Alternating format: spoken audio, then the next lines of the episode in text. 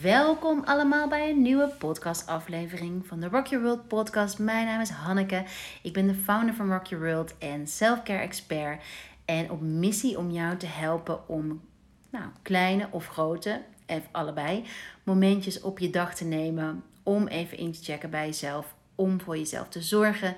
Zodat je met meer energie en met meer rust de dag kunt voortgaan verder kunt gaan. Of natuurlijk rustig de nacht in kan gaan. Dat kan natuurlijk ook. Uh, oktober is het thema. Waarin, uh, oktober is de maand waarin ik het thema opruimen naar voren heb geschoven. En dat is niet voor niets.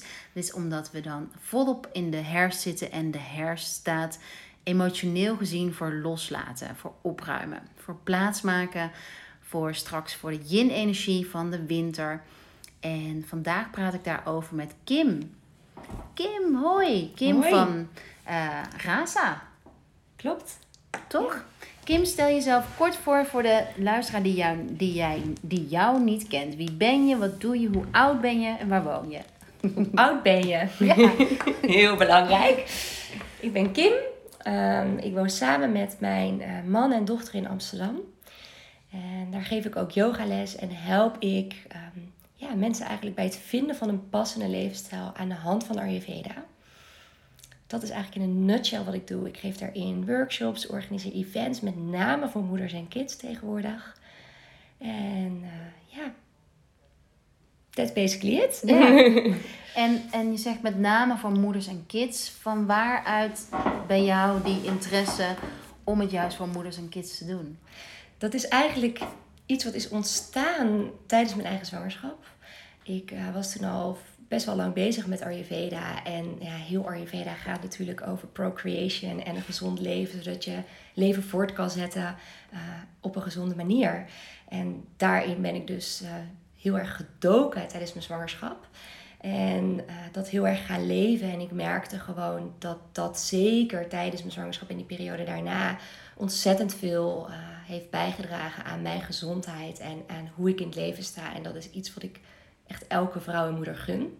En ik merkte dat daar eigenlijk nog helemaal niet zoveel in was. Dus uh, ben mijn eerste Ayurveda for Mommy's to Be workshops gaan geven in 2018.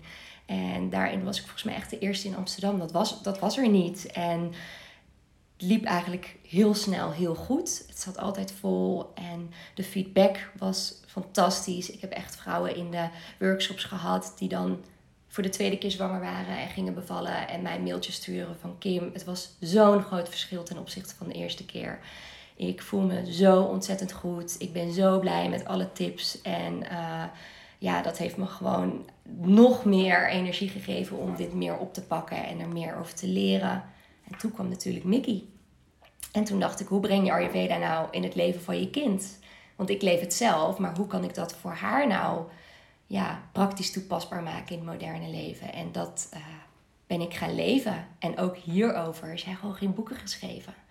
Dus uh, ja, zo, zo ben ik er eigenlijk ingerold. En dat is eigenlijk ook wel de grootste vraag van mijn cliënten die bij mij komen voor consulten, voor trajecten. En zo gaat het dan.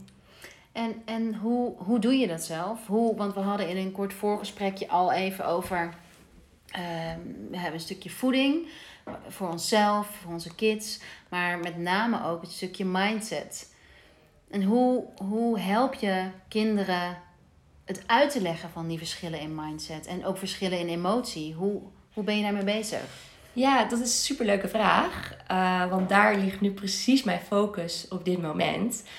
Um, wat ik heb gezien is dat het eigenlijk heel lastig is inderdaad om dat aan kinderen uit te leggen. En elk kind is natuurlijk uniek en elk kind heeft zijn eigen emoties. En voor mij kwam Ayurveda eigenlijk pas in mijn leven uh, toen ik begon met yoga.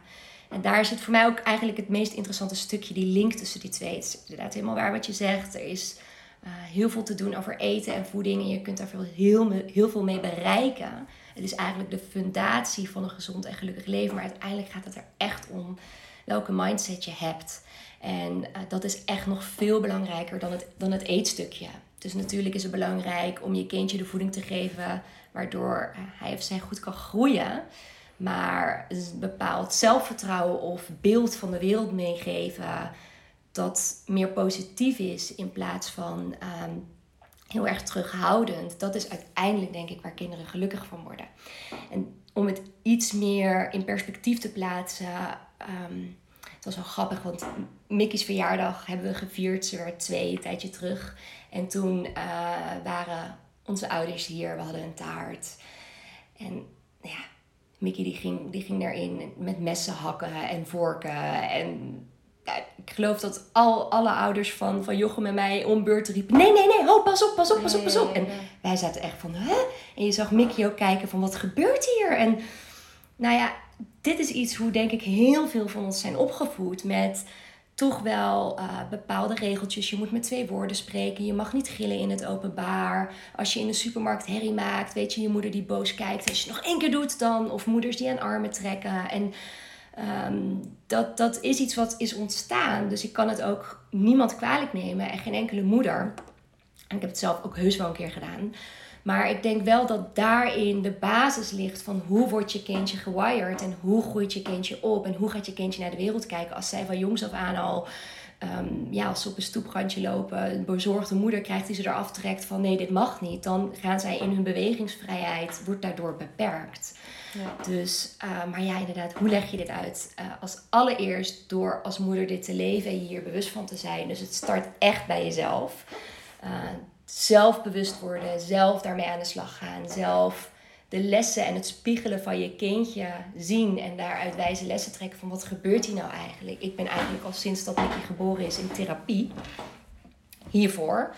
Uh, bijvoorbeeld toen ze naar de crash ging was ik echt nou ja, zij stond niet te huilen, maar ik wel. Het duurde een jaar voordat ik er voor het eerst naar de crash heb gebracht. Maar toen ze daar stond en zij was aan het zwaaien, dacht ik echt gewoon, ik liep huilend weg. En ik dacht, ik moet hier iets mee. Want het is denk ik oké dat ik ga huilen, maar het, is zo, het zit zo diep. Wat zit hierachter? Wat, waar komt dit schuldgevoel vandaan?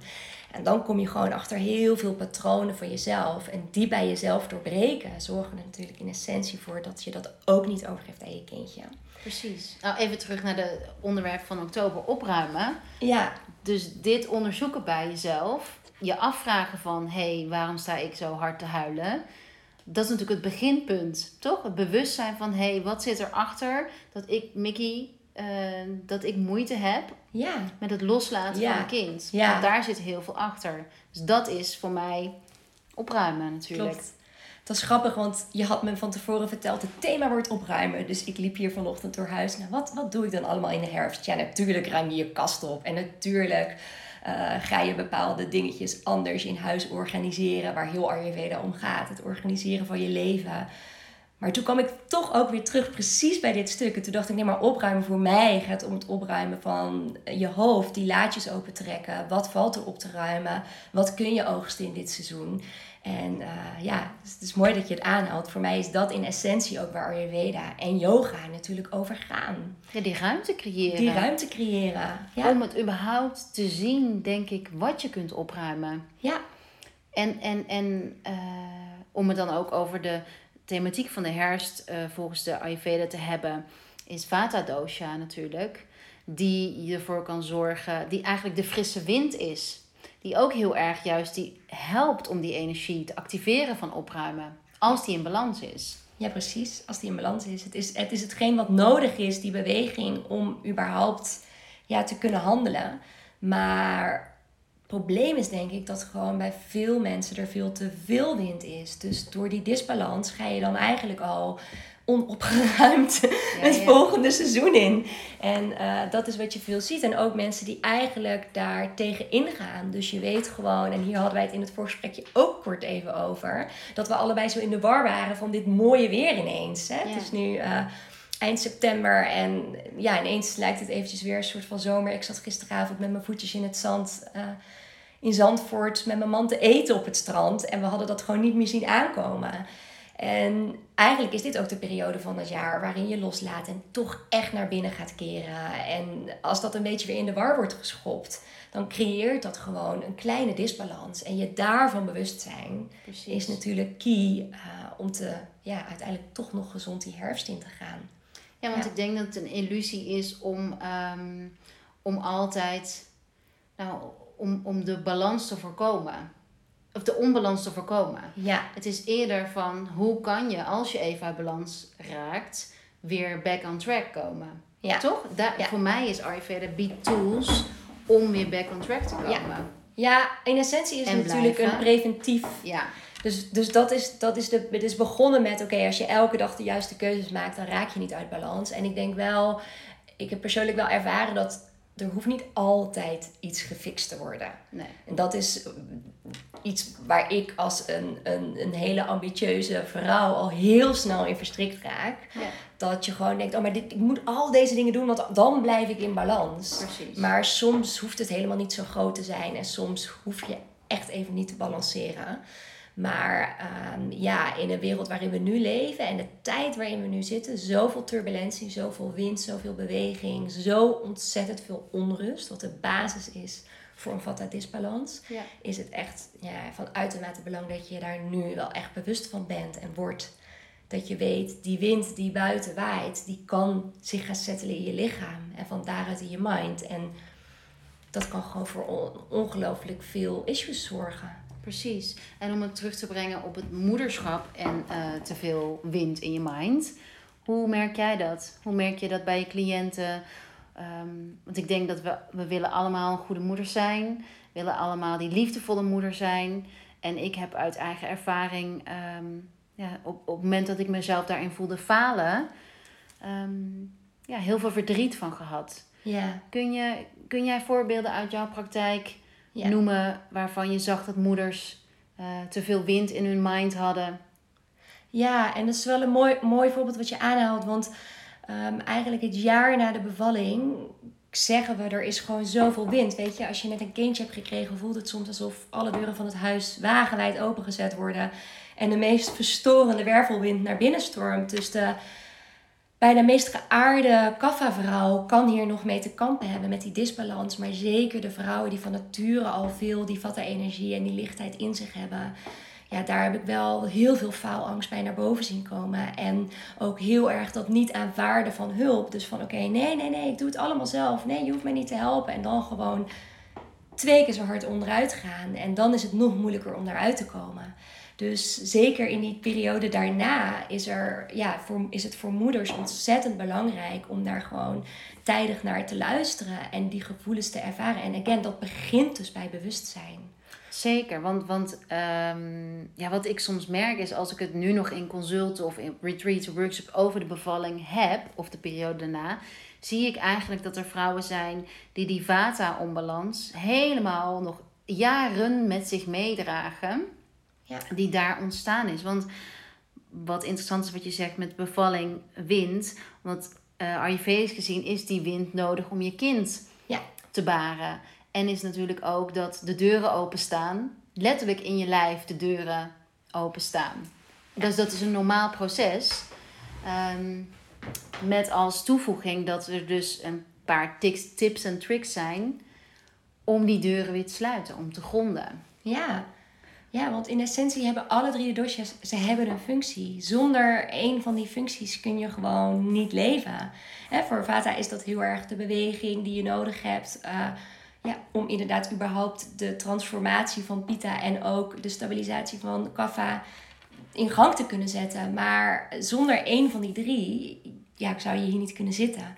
Dus dat is, vind ik wel mooi dat je het aanhaalt. En dat voeden op een goede manier, zodat dat in balans is. Dat is, dat is, dat is inderdaad de toolbox die je in handen krijgt met Ayurveda. En ehm, zie je bij kids ook die verschillen in kwaliteiten? Zie je echt duidelijk van dat is meer een vata-kindje, meer een pitta-kindje? Ja, dat zie je heel snel. Al kan het al vanaf het, vanaf het begin af aan een disbalans zijn. Dus je moet daar ook wel mee uitkijken om daar echt uitspraken over te doen. En er zijn natuurlijk bepaalde dingen die kunnen spelen. Kijk, heel veel kindjes hebben een vata-disbalans. Juist doordat die kraamtijd niet in acht genomen wordt en kindjes daardoor verteringsproblemen krijgen, onwijze buikkrampjes, uh, te veel overgestimuleerd en overprikkeld zijn. Je moet je voorstellen, je hebt gewoon negen maanden in, in een soort warm badje gezeten. Je komt op de wereld en je gaat van hand op hand. En er komt zoveel geuren, kleuren, nieuwe dingen bij je naar binnen. Dat, dat kan een baby niet aan. Dat is te veel. Dus dan krijgen ze al gelijk ja, eigenlijk voor die kiezen dat ze met te veel stimulans ja, op de wereld komen. En dat, dat zorgt er al voor dat ze heel snel een vata-disbalans hebben. Dus dat is altijd wel goed om te onderscheiden. Dat als je dus die symptomen ziet van oké, mijn kindje slaapt niet goed, is heel onrustig, eh, er zijn verteringsproblemen, er is constipatie. De, sommige kindjes poepen gewoon de eerste paar weken niet, omdat er zoveel op hun afkomt. En eh, dan kan dat inderdaad zijn, hé, hey, dit is een, het, het ligt aan het type kindje. Maar het kan ook heel erg zijn, het heeft te maken, en begrijp me niet verkeerd, want ik heb dit zelf bij Mickey ook gecreëerd, dat je als vrouw zijnde te veel vata hebt gehad tijdens je zwangerschap. En dat, dat gaat mee, ja, dat gaat gewoon net als eigenlijk de voeding van het kindje via de umbilical cord, via de navelstreng, ja, naar binnen gaat bij, uh, bij het kindje, gaan ook al jouw gevoelens, emoties via die neurotransmitters, die zenuwen, komen bij jouw kindje aan. Dus je hebt al in die fase, kan je al heel veel wiren van wat er gebeurt. Om het nog wat meer uh, ja, makkelijker te maken om te begrijpen. Ik ben van nature iemand die eigenlijk best wel veel vuur en aarde heeft. Mijn dochter heeft ontzettend veel wind. En dat komt enerzijds natuurlijk door mijn man, die dat ook heeft als, als tweede uh, overwegende element. Maar het komt er met name ook wel door hoe ik mij gedragen heb tijdens de zwangerschap. Ik was gewoon niet te stoppen. Ik heb van de negen maanden, zes maanden gereisd. Oh. Tegen alle adviezen van Ayurveda in om dat niet te doen tijdens je zwangerschap. Dus om maar even duidelijk te maken dat ik het ook allemaal niet perfect doe. En reizen, even voor de luisteraar, reizen is een factor in het verhogen van wind. Precies. Ja. En, en kwam dat reizen vanuit een drang van ik wil niks missen voordat ik moeder word? Of was het een, een natuurlijke? Was het uit uh, ego? Of uit, weet je dat? Nou, wel beide. Wel echt beide. Er was ergens gewoon een onwijs enthousiasme dat ik gewoon dacht, ik ben zwanger. Ik was gewoon ik weet dat ik bij 38 weken nog ratslagen maakte op het strand oh, in Noordwijk. En dat mensen naar me toe kwamen van, uh, wat ben je aan het doen? En je neemt je verantwoordelijkheid niet. Maar ik zag geen angst. Ik was gewoon alleen maar, dit, dit is het. En uh, voor de luisteraars, mij is ooit verteld dat ik geen kinderen kon krijgen door mijn auto-immuunziekte. Dus ik dacht gewoon, weet je, ik kan de hele wereld aan. En uh, dus het was enerzijds onwijs enthousiasme, wat natuurlijk wind is in essentie. Zeker. En aan de andere kant was het ook zeker de fear of missing out. Want ik had natuurlijk van zoveel mensen al gehoord van nou maar wacht maar tot jij dadelijk ja, je kindje hebt. En ik heb als allergrootste kernwaarde wel vrijheid. Dus ik had echt zoiets van nou nu kan het nog. Kim, ik ben zo benieuwd. Ineens dacht ik vanochtend al, eh, weet jij je horoscoop? Woordhoroscoop? Weet je je maandteken?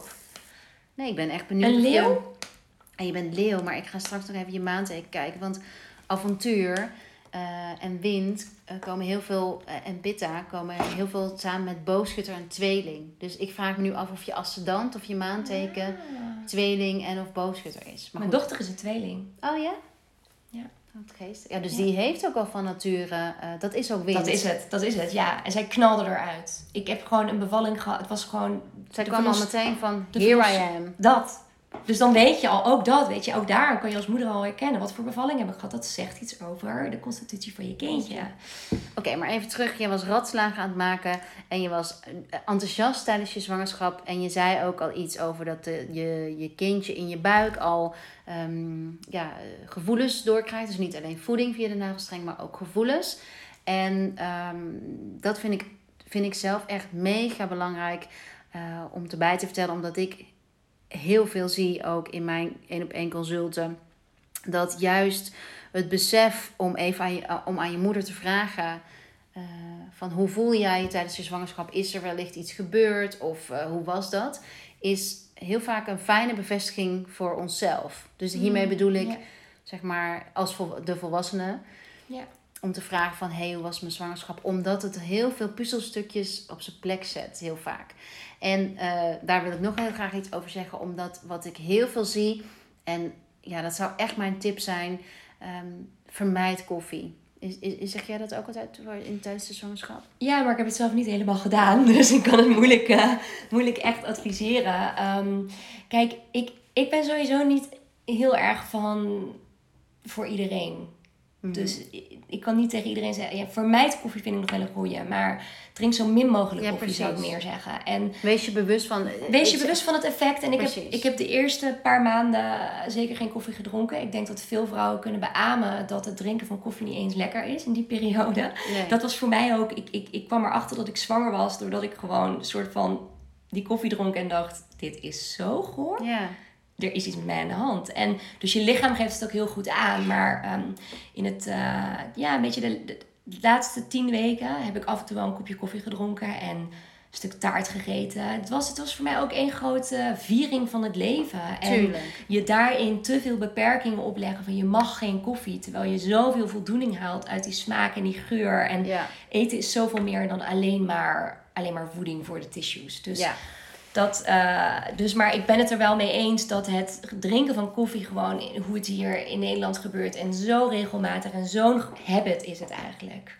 Eh, nee, dat doe ik zelf ook. Dat doe ik ook niet meer. En dat, dat levert eigenlijk alleen maar veel meer op. Weet je, switch gewoon lekker naar rauwe cacao. Zeker tijdens je zwangerschap. Daar, dat is ook supergoed eh voor je kindje. Magnesium. Er zit super veel magnesium in, inderdaad. Dus, en dat geeft je dan misschien net zoveel voldoening. Het is een kwestie van even die gewoonte omswitchen. Van hé, hey, het is dan geen koffie. Maar je kan datzelfde momentje ook creëren met een ander drankje. Zeker. En nogmaals, het gaat mij ook meer om de bewustwording. Want ik ken ook eh, verhalen van vrouwen die, die zes lattes op een dag dronken. Weet je wel? Ja, ja, nee, dat kan echt niet meer. En eh, cafeïne is gewoon heel zwaar windverstorend. Ja, en dan, again, dan is het echt voor welke vrouw. ja. Kijk, ik heb van nature echt best wel veel aarde. Dus ik- dat, dat, dat compleet van de wap zijn van een kopje koffie, dat ken ik niet. Maar ik heb heel veel cliënten die dat onwijs hebben. En Ja, tegen ik. hun, ja, jij, nou ja. En dan, ja, Ja, ja. Nou ja, en ik zag op een gegeven moment ook eh, interessant soms cliënten en dan ehm, die ook vragen stelden over hun kindje, eh, die, die heel veel wind, ver- wind uit balans verschijnselen toonde. En dan vroeg ik ook vaak waar eh, heb je toevallig veel koffie gedronken tijdens de zwangerschap? En heel vaak was dat wel echt, en dan heb ik het niet over één kopje per dag, maar echt de excessen. ja. Dus eh, ja, het is echt wonderbaarlijk eigenlijk. En aan de ene kant wonderbaarlijk. En aan de andere kant verbaast het me dat dit niet meer mainstream is. Ja, Omdat het voor mij zo... Ik krijg nu ook kippenvel als ik dit zeg. Omdat ik gewoon denk, dit, dit, dit klopt. Dit is Ja, het. ja. En het is eigenlijk verschrikkelijk dat het niet ons als vrouwen eerder wordt geleerd. Dat, dat, toevallig ben ik nu op dit moment bezig. eh, ik ga weer een nieuwe Ayurveda voor Mommy's to Be workshop geven op 13 november. En ik heb daar veel over gedeeld in mijn stories en op Instagram. En ik kreeg heel veel reacties van moeders van... Jeetje Kim, had ik dit maar geweten? Waarom is dit nu pas, komt dit nu pas naar voren? En ook vrouwen die daardoor heel onzeker worden van... Oh, maar ja, ik ben die 42 dagen al lang voorbij. En weet je, daarvoor echt de boodschap aan jullie. Als, jij luistert en je hebt dit... Je kan, je kan altijd nog starten. Zeker. Er is, het is niet dat je nu je gouden kans gemist hebt. Eh, ik gun het elke moeder om hier eerder achter te komen. Maar blijf lief naar jezelf toe. Wat jij nog niet wist, kon je ook niet toepassen. En, en zo met die liefde kijk ik ook weer naar mijn moeder. Ze- zeker, absoluut. Er was vroeger geen internet. Deze, dit, deze kennis was niet beschikbaar voor iedereen. Sterker nog, Ayurveda is heel veel verboden geweest in heel veel landen. Dus eh, ja. Ja, nou, en zoek ook het midden op daarin. Want ik heb ook meegemaakt eh, ehm, dat ik het zo graag zo goed, Ayurvedisch goed wilde doen. Kim die zit ondertussen te wiebelen op de stoel, dus dat hoor je. Kraakstoel. Kim heeft op dit moment lekker veel wind. Wiebe- Als je mensen ziet wiebelen op hun stoel, dan is het over het algemeen wind. Ehm, eh, maar ik heb de. ehm, ik ben van nature dus heel perfectionisme. Of van nature, ik weet niet of dat van nature is, maar ik hou van om dingen goed te doen. En eh, als, eh, als ik zo een boekje lees over dit kun je doen na de zwangerschap, 42 dagen, dan neem ik dat heel serieus. Voel in. En ja. soms een beetje te serieus. Dus, ehm, eh, ja, dus ook daarin een midden vinden van... hey, wanneer is die tijd voor mezelf om te aarden... en wanneer kind, mijn kindje. Ja. Dat, dat gun ik ook iedere moeder. ja, mooi. Eh, ja, ik wil het nog heel graag met je hebben over wat jij aanraadt voor moeders die luisteren. Want wat ik op heb geschreven, wat ik zo fijn vind, eh, is die verschillende emoties in kinderen herkennen. En ook zel- zelf als moeder de ruimte voelen om het te herkennen. En jij hebt als hulpmiddel een, een kinderboekje gemaakt. Wil je daar iets over vertellen? Ja, ja heel graag zelfs. Dit is echt. Mijn, ja, ik ben over niks zo enthousiast eigenlijk nog geweest als dit project. En uh, wat ontstond echt al jaren geleden. Met mijn man had ik het er dan wel eens over. Uh, onder het genot van een flesje wijn. Van hoe gaan we nou aan, aan gewoon meer eigenlijk iedereen in general uitleggen. Wat die verschillende types inhouden op een praktische manier. Zonder al te zweverig alle kanten op te schieten. Waar gaat het nu om? En het gaat inderdaad om drie verschillende types met verschillende emoties. Die anders reageren op verschillende situaties. Dus wij hebben toen in die tijd ons kapot gelachen. Omdat we heel overdreven die types gingen voorstellen. En daar dan ook komische namen op gingen plakken. Die helemaal natuurlijk pasten bij die verschillende types. En ja, dat is dan wel misschien een beetje voor de, voor de Ayurveda pro's. Die, daarin, uh, die daarom ook kunnen lachen. Maar uiteindelijk kregen we natuurlijk onze dochter. En uh, toen dachten we, nou, maar dit, dit moet eigenlijk zo snel mogelijk bij elk kindje terechtkomen. Nou groeit Mickey op bij ons in het gezin. Dus ze, zal het, ze, ze weet het nu al.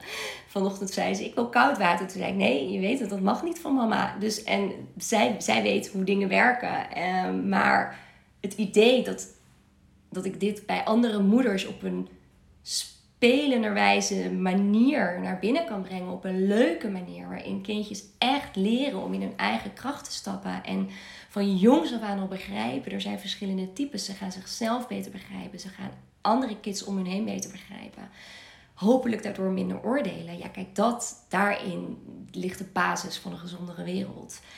En daarom zijn we begonnen met het schrijven van een kinderboekje. Waarin we dus eigenlijk die drie verschillende kidstypes uh, tot leven laten komen als drie verschillende dieren. Waarin kindjes, waarmee ouders en kindjes beide kunnen zien: hé, maar zo reageert mijn kindje. En het eerste verhaal wat we hierover geschreven hebben gaat over uh, een spin die de kamer in komt. En je hebt natuurlijk drie verschillende types en die reageren allemaal anders op exact dezelfde situatie. Dat is gewoon namelijk afhankelijk van jouw constitutie of disbalans.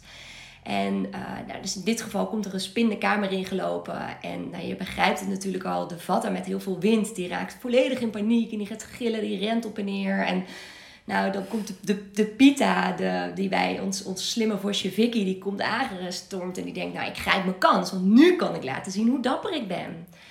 Nou, dit alles speelt zich natuurlijk af voor de, de zachte ogen van, van uh, de luiaard, Klee, Kaffa. Die... Uh, ja, eigenlijk gewoon denk, nou, waar maken die twee zich nou druk om? En het leuke is dat we hiermee begonnen zijn, um, eigenlijk met het boekje. En toen uiteindelijk dacht ik, nou weet je, ik ga er een kidspagina aanwijden. Dus toen zijn we begonnen met Start with Rassa, Instagram uh, page. Waar ik dus al die tips voor moeders en uh, kindjes ook deel. En uh, daarin hebben we dus die drie verschillende type diertjes en kindjes heel erg uitgelegd. Van hoe reageren zij nou? Hoe zijn ze als type? En we kregen overweldigende reacties ook onder de post. En ook als berichten van... Oh, ik herken mijn kind hier 100% in. Mijn kindje is een Vicky. Mijn kindje is een die of dat. En uh, jammer genoeg waren er ook mama's die mij stuurden van... Oh ja, mijn kindje is een Vicky. Maar dat wil ik eigenlijk helemaal niet.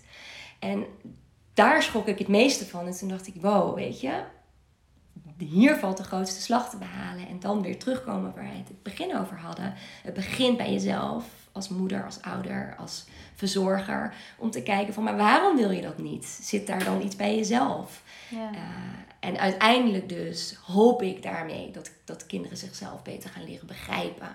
Omdat de ouders zich ook beter begrijpen, Omdat de ouders het beter begrijpen. Dat, is, eh, dat vind ik echt prachtig. Want dat is, uh, op Instagram worden ook veel posts natuurlijk nu gewijd aan mijn kindje, zo'n spiegel. Uh, dat is dit. Dat is dit. Dat is dit. Dat is dit, ja. um. Dat is dit precies, 100%. En het mooie daaraan is dat kindjes echt, ja, hierdoor misschien echt al op jongere leeftijd door hun ouders beter worden begrepen. En dan kan je dus als ouders zijnde ook jouw kindje geven wat ze nodig hebben. En dat verbaast me bijvoorbeeld zo in het schoolsysteem. Er is een kindje niet zo goed in rekenen, in systematisch denken. Wat betekent dat er misschien wat minder vuur is. Ja. En wat gebeurt er? Je moet op bijles. Ja, je moet naast school blijven. En ja. dan moet je daar... Dat is een straf. Dat is een straf. En we gaan nu focussen op jouw slechte kant. Nou, daar krijg ik helemaal jeuk van. Want ik denk, geef dat kindje een pen en papier. Waarschijnlijk maakt hij de mooiste tekeningen. Omdat er veel meer wind is. Of misschien heeft dit kind wel een andere kwaliteit. En dat hoop ik eigenlijk dat dit een soort van het begin is van iets veel groters. Waarin zoveel verandering teweeg wordt gebracht. Dat dat wordt gezien. En dat moeders en vaders gaan denken: hey, ik ga eens naar de positieve kant van mijn kindje kijken. Want dan krijgt het kindje nou, het grootste basisingrediënt voor geluk, namelijk zelfvertrouwen. Precies. En dat is ook, zo is ook mijn bedrijf gestart. Dus ook met dit, dat verlangen is Rocky Road gestart. Self-care, om je eigen emmer te legen. Kleine rustmomenten, kleine pauzemomenten. Zodat je die ruimte hebt om te onderzoeken, om te reflecteren van... hé, hey, uh, want een kind doet nooit iets om te pesten. Het is niet dat je kind moedwillig uh, zijn hakken in het zand zet. Of uh, moedwillig slechte punten haalt of iets. Um, nee. Het is ook dus geen afspiegeling van hoe jij als ouder bent. Want dat zie ik zo vaak gebeuren van... Um, we hebben zoveel bepaalde verwachtingen bij ons kind... Um, waardoor dat, dat, dat kind voelt ieder kind voelt de verwachtingen. Mm -hmm. En ieder kind leert ook van, van de ge gezichtsuitdrukkingen van ouders. En daar maak ik me best wel zorgen over. Um, nu ik zie dat er, dat er zo'n nadruk ligt op, op de telefoon, op, op, um, mm. waarin, waarin ouders zoveel in speeltuinen, maar ik zag het laatst ook aan tafeltjes en restaurants gewoon, ja, gezinnen eigenlijk meer individueel bezig zijn. En niet meer met, met als gezin mm-hmm. naar ook. En kinderen gebruiken natuurlijk dat als tast. Van hoe kijkt mijn moeder, hoe kijkt mijn vader. Zeker jonge kinderen. Mm-hmm. Ja. Kijk, leren via gezichtsuitdrukkingen. Ja. Via de intimiteit, de Mm-hmm. verbinding. Ja, de verbinding. Die dus niet er is als je op je telefoon Ja, zit. en, en daarom ben ik zo... Uh, ja, Heel mooi vind ik dat, die gedachte. ontzettend... Uh, ja, op missie voor die selfcare. Ja. Met, met dus makkelijke tools. Dus is ook denk ik wel leuk om te zeggen... Uh, om nog aan te vullen dat, dat al onze sprays ook weer staan voor een dosha. Ja. Dus een specifieke dosha. Dus dat ook voor de kindjes dat een hulpmiddel kan zijn... voor zowel kind als ouder om met elkaar te verbinden. Dus bijvoorbeeld voor de windkindjes hebben we Calming Body and Bed Oil die windkindjes helpen om s'avonds voor het slapen gaan te unwinden. Dus om de prikkels van de dag los te laten. Is het een badolie echt? Het is een badolie, maar ook een Oh, olie. Leuk. Ik dacht dat jij alleen die spray had, want die gebruiken Nee. we wel voor Mickey. We hebben, we hebben ook echt olie dus voor in bad. Leuk. En eh, olie voor onder de voetjes. Dus dat het een ritueel wordt van Deze vader, moeten we moeder. even te gaan testen hier thuis ja, die natuurlijk. moet je gaan testen. Wist ik niet al. Dat had ik hem meegenomen. Eh, de, het feit dat je je kind aanraakt onder de voetjes als je gaat slapen. Het is al dat je dan als moeder of vader zijn niks anders doet dan bij je kind zijn. Door die massage. Weet je wat zo leuk is? Als ik dit bij Mickey doe, dan, dan zakt ze onderuit. En dan zakt ze helemaal in haar, in haar om, in de, hoe zeg je dat, het omkleedkussen. Noem je zo'n ding ook alweer? Je aankleedkussen. Nou, waar ik haar luiertje verschoon. En dan masseer ik echt haar voetjes. En dan doe ik er één. En dan zegt ze altijd, de andere ook mama. ja. En dan ben ik daar en dan zegt ze, de andere ook mama. En dan zie ik er gewoon genieten ervan. Ja. Alle zenuwuiteinden. Wat eigenlijk ja, de grootste indicator van Vata. Vata is het zenuwstelsel. Precies. Die eindigen daar. Dus er zit zoveel gevoel in de voeten van een kindje. Ik weet nog toen ik begon met Ayurveda. Ik sliep toen niet zo goed. Ehm, toen kreeg ik ook als tips meer je voeten in met olie. En toen dacht ik, seriously? Jij denkt echt dat als ik mijn voeten insmeer met olie, maar ik begreep de gedachte daarachter niet. Nee. En sesamolie is verwarmend, sesamolie is voedend, sesamolie is zwaar. Die kwaliteiten inbrengen op een gedeelte van je lichaam of het lichaam van je kindje, die juist tegenovergestelde kwaliteiten heeft, dat balanceert en dat voedt en dat zorgt ervoor dat je kan gronden. Precies. Ja, het is echt eh, om dan terug te komen bij de één op eens die ik heb, maar ik heb echt veel cliënten die er zoveel baat bij hebben om hun kindje te kunnen laten slapen door dit toe te passen. Ja. Dat ik echt berichtjes krijg. Kim, ik stond er zo sceptisch in, maar ik kan er niet meer omheen. Het gaat al een maand goed. Ja, ja, het is echt. En wij gebruiken amandelolie in de Calming Body and Bed Oil. En dus een eh, blend van etherische oliën. Die allemaal, met, die allemaal als, als taak of als superpowers gronden hebben. Dus Ja. bijvoorbeeld VTVJ is een sterk grondend etherische olie. Eh, benzo. Dus dat, ja, het ja, ik wil het. Ja, ja.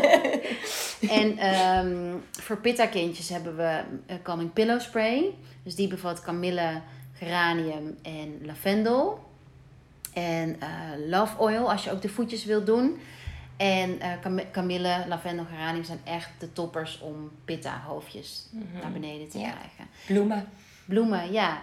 En eh, voor kaffa raad ik eigenlijk aan, die hebben heel vaak niet zo moeite met slapen. Dus die hebben dat ritueel niet echt nodig. Maar die hebben wat stimulerends nodig om eh, ja, een kick te krijgen. Ja. Dus dat is Schop meer... onder de kont. Schop onder de ja, kont eigenlijk. Dus dat is meer onze Be Happy spray of onze New Moon spray waar grapefruit, mandarijn. Ja. Dus dat zijn meer dingen die je niet voor ehm, s s'avonds hoeft te gebruiken, maar meer overdag wanneer ze wakker worden. Ik spuit ook soms als ik eerder dan als, als de kinderen beneden ben, spuit ik alvast in de hoeken van de kamer wat geur. Zodat ze als ze beneden komen die geur hebben van, oh yes, ik ga aan de dag Wat beginnen. leuk. Ja. Dat is leuk, ja. En ook nog om daar nog heel even aan toe te voegen van in de zwangerschap is het zo leuk om eh, juist die emoties te beïnvloeden ehm, met, met geur. Dus in de zwangerschap is Be Love Spray een van onze allerbeste sprays om te gebruiken. Omdat die je helpt meer te zakken in vrouwelijke energie. Die yin-energie die we eigenlijk allemaal nodig hebben. Eh, zeker op het eind van de zwangerschap. Tijdens bevalling is dat een van de allerbelangrijkste kwaliteiten. Ja, ik denk als je in contact staat met je lichaam, dan is er geen keuze of je in die yin zakt of niet. Ja, ja maar in de eerste zwangerschap stond ik dat dus niet Hmm, ja. bij Fits. Dus, dus was alles in mij verzet om me over te geven zonder dat ik het wist. ja. En in de tweede zwangerschap heb ik dus heel erg gefocust op, die, ehm, eh, op, op dat hart openen. Onder andere met Below Spray, maar ook met kaarten leggen al en met mijn kindje contact maken. Iets wat ik echt in mijn eerste zwangerschap totaal niet deed. En merk je verschil nu bij de kindjes ook? Ja, als je Louis ziet, ik weet niet of je hem wel eens op de foto hebt gezien. En Louis is echt heb een Louis in kindje. echt Oh, gezien. dat is echt een kindje van hier ben ik. Hier Ja. ben ik. Ja, Louis is er. Louis is er. Louis kan je niet omheen. En Fitz, mijn oudste, die is gewoon eh, veel meer eh, wat teruggetrokken, verlegen. Veel meer vatten. Veel meer. Dat is echt een en al vata. Ja, dat zie je wel. En ehm, Ja. ja, oh mijn schat.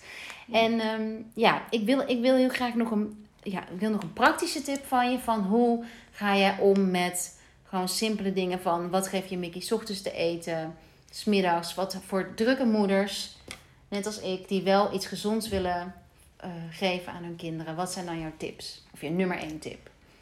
Ja, je zegt grappig genoeg ochtends. En ik denk dat daar nummer één tip ligt. Als je zorgt dat eigenlijk alles in haar ontbijt ochtends al zit, of zijn, moet ik ook zeggen. Dan heb je het al. Jochem en ik hebben hier van de week nog zo hard om zitten lachen. Kijk, Mickey, die kent gewoon geen snoep en zo. Natuurlijk krijgt ze wel eens iets lekkers.